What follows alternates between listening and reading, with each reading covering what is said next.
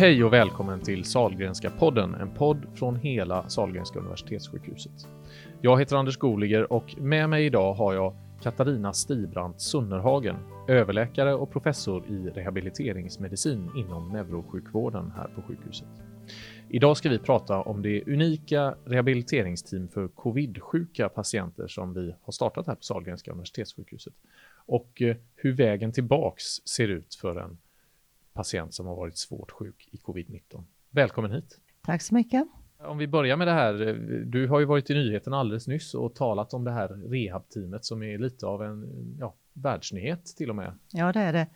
Jag kan säga så här, jag lyssnade igår på en eh, på ett webbinarium ifrån ett internationellt webbinarium runt eh, från neurosidan där man pratade om covid ifrån Duke, ifrån New York, ifrån Italien, två städer i Tyskland och eh, det vi har är med ett team som liksom börjar direkt och som jobbar multidisciplinärt och som finns med hela sjukhustiden och sen försöker länka ut mot samhället.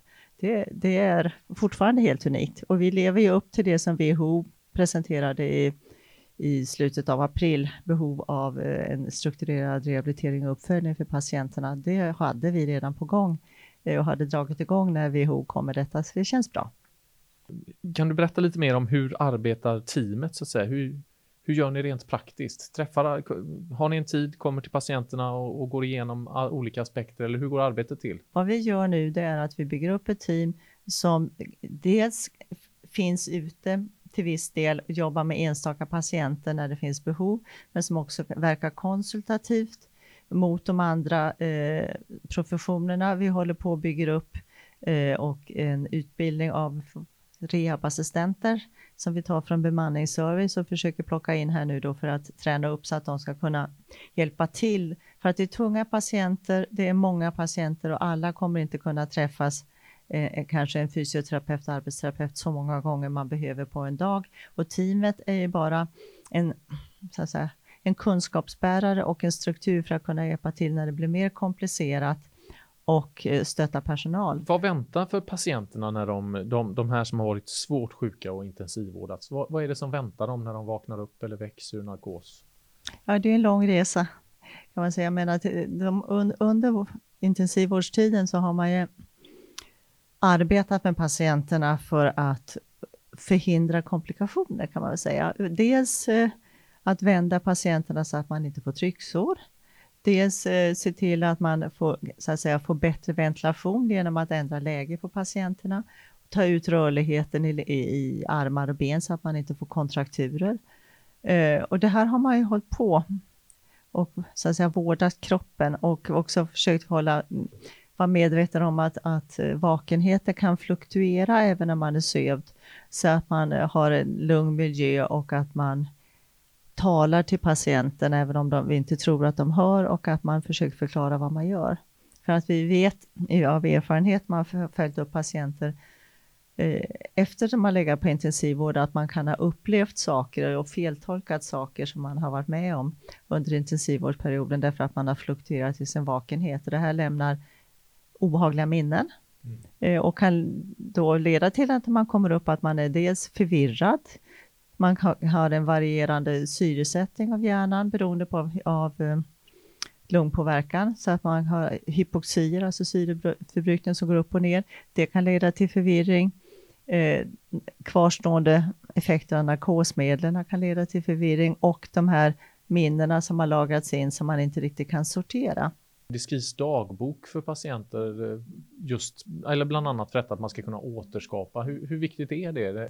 Jag tror att det är jätteviktigt. Vi hade ett projekt med pengar från Socialstyrelsen i mitten på 90-talet på neurointensivvården eh, och att vi startade det projektet det berodde på att vi hade patienter som kom och besökte oss på rehab och sa att de hade legat på rehab, de hade varit på neurokirurgen, de hade varit på neurointensivvården och de visste ingenting och bekanta hade varit och hälsat på dem och sagt att de såg dem där och där och de hade, kom inte ihåg någonting. Och de sa att det var så obehagligt, nu försökte de fylla i pusselbitarna för att de hade ett hål i sitt liv. Och då startade vi då eh, med eh, dagböcker här inne på, på neurointensivvården. Man kan skriva till exempel eh, dag två, eh, jag har råkat ut för det och det eh, fått den och den behandlingen, eh, varit iväg på undersökning. Eh, Anders har varit och hälsat på. Eller vad som helst, liksom, så att man vet. Att man liksom inte, inte får höra sen efteråt att liksom det har hänt en massa saker som man inte har koll på. Och det hjälper att bearbeta och det hjälper att få en struktur. Och när, när patienter vaknar upp, hur, ja, men hur tar de det beskedet då att nu väntar en lång resa? Det, det, jag tänker mig att man själv kanske skulle känna vad skönt, jag överlevde, nu vill jag återgå och allt ska vara som vanligt. Jag kan säga så här, min erfarenhet är att man får lämna besked till patienter i, vid rätt tidpunkt när de, är, när de vill veta det och när de är mogna för det. Och det kan vara frågan om till exempel om sjukskrivning och då kanske man kan säga att du räknar inte med att du kommer kunna komma tillbaka till jobbet förrän efter sommaren. Då signalerar man lite grann att det tar lite tid. Ofta så testar patienter sina upplevelser på vårdpersonal, undersköterskor på natten, väcker frågor så att säga, testar lite vad får man för reaktion. Det är sällan eh, de frågar läkarna direkt förrän de är mogna och eh, om jag då kommer och säger att det här kommer ta ett och ett halvt år Eh, då slår jag ner väldigt mycket hopp och då liksom, dessutom vet jag inte det. Utan att man får liksom följa förloppet och man kan, kan liksom säga att vid det här tillståndet, vi har sett liknande fall, så brukar det ta ungefär si och så här lång tid. Eh, så räkna inte med att eh, som sagt, vi börjar jobba först efter sommaren. Så får vi följa och se dag, liksom dag för dag eller vecka för vecka och se hur det går. Man får ta det stegvis. Vilken är den största utmaningen som de här covid, svårt covid sjuka patienter har? Jag tror att det handlar om att, att eh, dels att bygga upp sig själv igen, men dels komma till insikt i, om att man faktiskt har varit svårt sjuk, att man faktiskt har, har som många, en del av mina patienter säger, man har sett döden i vitögat mm. eh, och komma vidare eh, med, med, det och hitta ett nytt liv och hitta, hitta igång igen. Därför att, att eh, det lämnar dem inte annat där i själen. Du, vi är ju inne på detta med att det, kan, det är en sån lång återhämtning när du har varit i, i, inom intensivvården. Bara det att ligga i intensivvård i sig kan så att säga bryta ner kroppen för, för du blir, tappar massa och allt möjligt. Och därtill då följder av sjukdomen. Vad vet vi om sjukdomen? Vad är långtidseffekterna av coronavirus och covid-19? Ja, det vet vi inte fortfarande eftersom det är så pass kort tid. Men man har sett att folk kan ha nedsatt lungfunktion under en längre period. Eh, vi tror att i vissa fall kan det utvecklas en lungfibros, men man vet inte vilka som råkar ut för det här. Jag menar, har du fått lungembolier så får ju lungorna en skada av det. Så att hur mycket som är rent orsakat av viruset i sig och hur mycket som är en påverkan av eh, det autoimmuna svaret, eller det immun, immunologiska svaret av infektionen. Om det slår på för mycket, mm. vad som beror på det, det vet vi inte. Och det har vi eh, jättebra forskare som sysslar med grundvetenskaplig forskning och eh, som försöker titta på det här. Men det är inte jättemycket tal om detta i debatten, eller vad, vad tycker du? För det, det, känns lite grann som att eh, klara, man är igenom det eller man ska ha det. Eller, och det finns ju till och med liksom någon sorts önskvärd att det är bra om många får det och har haft det och så. Hur tänker du kring de aspekterna då, om det kanske är så att det finns långtgående som vi inte riktigt känner till? Och så. Ja, det kommer ju dröja länge tills vi får vaccin, flera år. Eh, det brukar det göra, men de snabba vaccinerna har kommit fram på 3 till 4 år och då hade man någonting att utgå ifrån, det har vi inte nu. Så att det kommer ju, vi kommer ju få leva med den här sjukdomen länge. Eh, och vi kommer ha patienter som har resttillstånd. Jag driver en, en, poliomottagning eh, som är en av de största världen med drygt över tusen patienter har vi haft här eh, som har haft resistens efter polio. Det var ju en stor epidemi 53 eh, i Sverige. Då var det 5 000 som insjuknade, varav 3 000 låg på sjukhus och fick förlamningar. Mm. Så att vi har ju fler som har insjuknat nu, men vi har ju inte alls samma problem med resttillstånd idag som vi hade då. Eh, och vi kommer få personer som har resttillstånd nu också, men det är betydligt ovanligare. Man tittar på data från USA, eh, där man har haft och från Italien, så ser man ju att visst, det finns folk som får stroke på grund av det här, tror man, eh, men man vet inte om det, så att säga, om man har covid som orsak till stroke eller om det är stroke-patienter som får covid-infektion. Man vet att när man ligger länge på neurointensivvård eller på intensivvård så kan man utveckla eh, myopatier, alltså förändringar i muskulaturen och man kan också få neuropatier, alltså förändringar i de perifera nerverna.